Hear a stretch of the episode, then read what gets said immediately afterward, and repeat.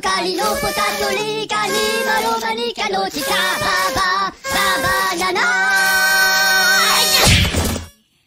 Hi, Turbulencers! How are you? Welcome back to our podcast. Selamat malam minggu kawan-kawan. Kalian lagi apa nih? Yang lagi nggak keluar, nggak ada nothing to do atau And nggak nothing ada- to lose. nothing to lose atau nggak punya siapa-siapa yang diajak keluar ya udah nggak apa-apa kita temenin malam ini, oke? Sangat ini ya, sangat apa? berfaedah sekali Iya ya. banget. Kita Gini, sangat ini. berfaedah dan sangat care sama kalian semua para jomblowers di luar sana ya. Daripada kalian jalan-jalan gak berfaedah, kita bahas aja topik yang lagi hits. Nggak lagi hits nggak sih? Uh, always hits. sih Always hits. Oke, buat kalian yang pengen kuliah ke Amerika, ya kan daripada Uh-uh. pacaran mulu, mendingan berprestasi ke Amerika. Oh my God, yes. jangan senang dulu karena susah. Makanya kita adakan di topik turbulensi kali ini. Judulnya apa nak? Uh, tapi kali ini kita punya kuliah di Amerika. Hmm. Kamu pengen ke Amerika gak sih? Atau ada yang pengen cita-cita kuliah ke Amerika? Me, me. Kita udah di Amerika nak. Oh, Udah iya? di Amerika. Oke, Kalau kita nggak di Amerika, kita nggak bikin podcast ini. Oke. Ya, oke lanjut. Jadi kita punya satu, dua, tiga, empat, lima poin. Lima poin gak sih? Iya lima poin. Lima poin. Oke. Lima poin yang uh, kita anggap ini penting banget ya buat Mhm. dinotis ketika uh, kalian memutuskan untuk kuliah di Amerika.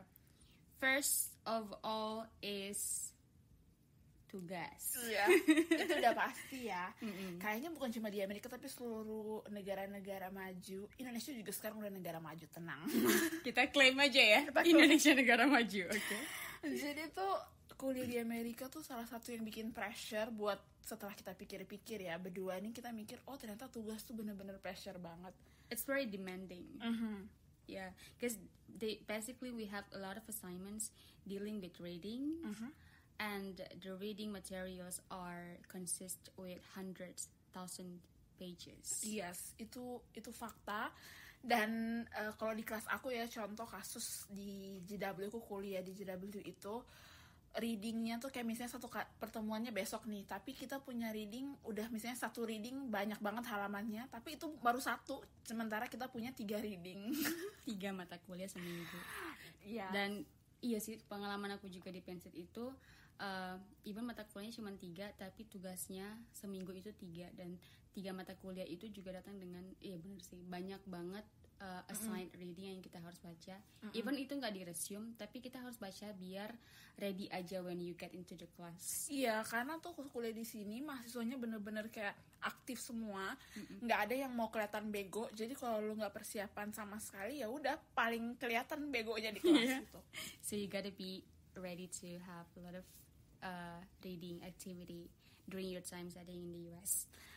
Yep. So this karena kalau enggak kalian akan ngerasain banget yang namanya Iya, kelas intimidating ya. Iya. Karena tuh yang tadi aku bilang ya, kalau misalnya mahasiswa di Amerika tuh em, berasal dari berbagai latar belakang, berbagai usia, berbagai status sosial. Jadi ya yang bikin kamu terlihat alive di kelas itu ya berarti kamu preparation selama di kelas itu topiknya kamu udah master gitu. Jadi pas masuk kamu at least ada di otak kamu gitu loh. Kalau enggak, kamu bakal ngerasa intimidasi sama teman-teman kalian yang super pintar, yang pernah S2 tiga kali lah. Ada yang udah S3 tapi ngambil kelas S2 lah. Ada yang pokoknya profesional, expertise. Jadi kayak aduh susah deh pokoknya. iya Kamu yakin mau S2 nih kalau cuman baca buku aja kamu baru 5 menit tidur gitu. I want to share my personal experience when Okay. I attend the class and it's it's really I mean I was in under pressure condition when my classmates are really expert on speaking because they are native speaker they, they speak in English and I was struggling with my English too. Even though I have a lot of things in my mind going out on my mind it's just so hard to know to uh, express Yeah, to- my thoughts into words and sentences. And that what I felt when I I mean that's how I experienced the uh, in class intimidation. Ya, so um, experience Nana ini basically uh, hampir sama lah ya buat mahasiswa internasional yang baru datang ke Amerika. Nggak cuma Amerika tapi rata-rata kayak negara-negara yang kayak Eropa, Australia dan lain sebagainya. Jadi buat kalian yang masih merasa insecure, anxiety kayak gitu-gitu kalau di kelas susah berekspresi menyampaikan pendapat, you better go for apa ya? kind of training Yeah, training yourself to be more brave dan expressive untuk uh, untuk bicara di kelas gitu. Karena uh, salah satu penilaian di kuliah di sini itu adalah penilaian aktif di kelas gitu. Iya. Itu sangat mempengaruhi nilai kamu di akhir karena ya dosen suka aja berdebat dan di sini tuh that's okay kalau kamu nggak setuju sama pendapat dosen kamu bisa nanya bisa nggak setuju bisa berdebat bisa ngapain aja dan as dan- long as you come up with valid resources and references you got the points Yep. and Lalu, yeah the, the, the Uh, third point is uh, yeah.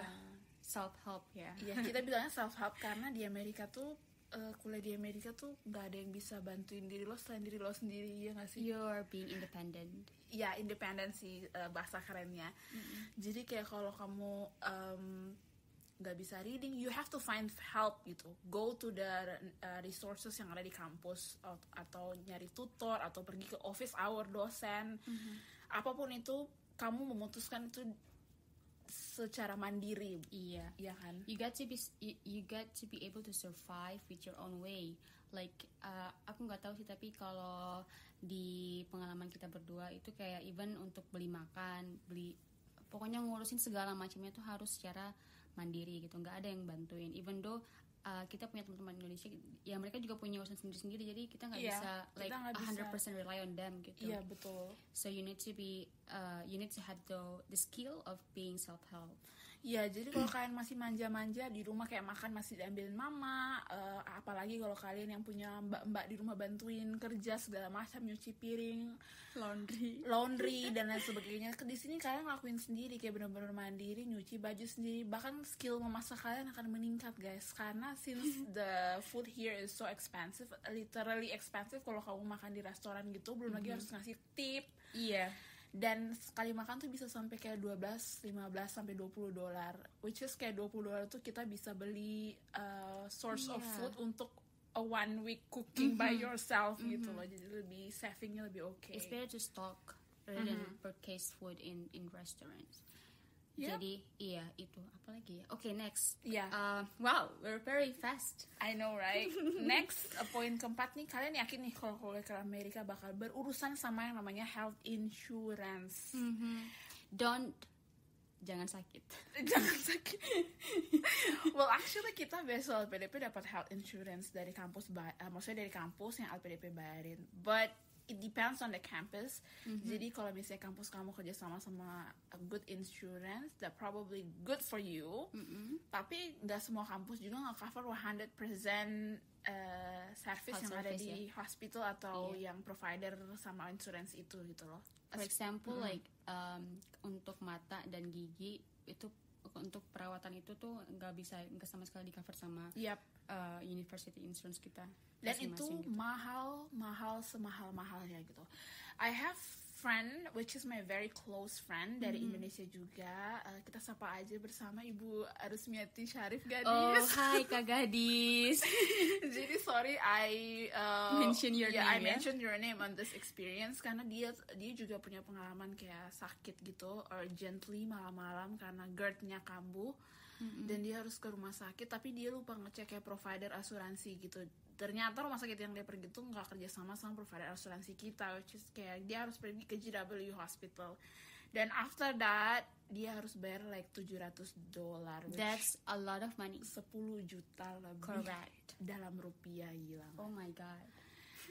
itu serem banget sih kalau menurut aku ya dan aku juga punya experience tentang mata so I add Oh. the value to my health insurance jadi karena JW nggak cover itu jadi aku harus nambah uang sendiri dan di sini eye exam satu kali eye exam aja kamu bayar sekitar 3 jutaan jadi kayak That's how it works. cuma dapat prescription sementara di Indonesia murah banget jadi Yeah. jangan sakit dua hal itu ya mata sama gigi. Mungkin lebih baik pengecekannya langsung di Indonesia saja sebelum berangkat ke US biar pas di US itu udah nggak ada masalah lagi sama mata even your uh, gigi. Um, so due to the experience, we also consider money or financial management into our points to to be a consideration before you get into. Oh no, uh, when you were in the United States. so financial management is all about how you can manage your money.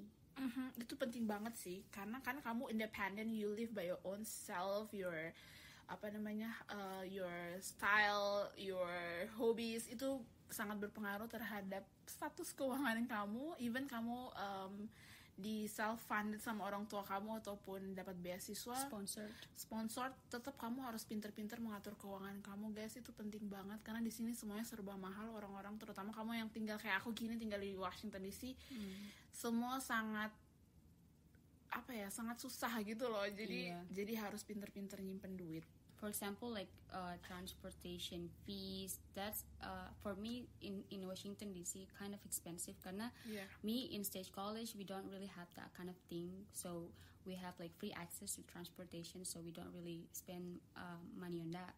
Tapi di sini and di New York ya kayaknya. di New York pokoknya state-state yang besar kayak if you pick the big sta- states like New York DC, LA, especially in the West Coast like California, it's so expensive, guys. So yeah, just think about that. Apakah kamu yakin mau ke Amerika? Just prepare for that, Yeah. just in case, yeah. I am a person who not really good in uh, financial management, so I learned a lot when I study here. Mm-hmm. Uh, Sure. Besides education, also these kind of things. So yeah, you better learn this also. Iya, jadi kalau kamu masih suka boros dan suka Oh, baby. kayak, eh ya kan kan ada kayak gitu kan. Yeah, I am. Oke, eh, kadang suka kayak ya udah beli kopi-kopi manja biar difoto di Instastory Mhm. atau beli baju-baju bermerek dan lain Iya, sebagainya. that's correct. Ya, do not do this in here guys karena Actually, you can't. After you endure or you experience uh, some struggle with your education, I mean your study. Iya, iya, Jadi itu iya. mungkin bisa jadi self self aware, tapi nggak selamanya, nggak setiap hari juga. iya maksudnya you, Biasanya you, tuh you kayak- manage your money, right? Yeah, yeah. Uh, so if you wanna splurge on your hobby, then then go allocate the money 1st and you know how Yeah. how the limit you can afford for something that luxury for you. Correct. And probably after you graduate from your program, you can also kind of having some saving for your future uh, what is it financial needs. Jadi bisa buat saving ke depan. Jadi bukan langsung dihabisin pada saat kuliah itu juga, tapi kalau bisa ada savingnya biar kita nggak tahu ya emergency needs in Yes. the future. Yes, yes. Especially if you get a scholarship, you better have a saving after graduate. Gitu. So yeah, that is it. We Wow. wrap up four points in this podcast. Five points, Oh, sorry, actually. five points. It's Yeah. so amazing. And how how is it look like? Turbulencer, do you still want to come here and then let think first the five point that we've been mentioned before? uh, that's gonna be a good research for you guys to think about uh, or to reconsider your decision. But we really, uh, what is it, encourage you to work harder, to study harder. It's just that you also have to be conscious or uh, what is it, aware Sure. of those five things that we also experience here. So yeah, Exactly. we ha- we have we hope. Oh my God, we hope it's helpful.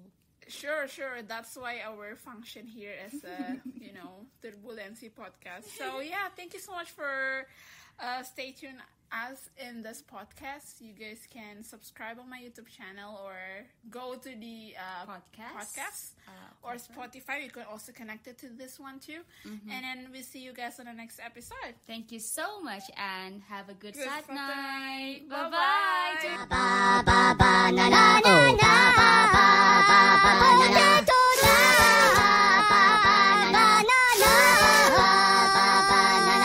リロポタトリカニマロマニカの時カバ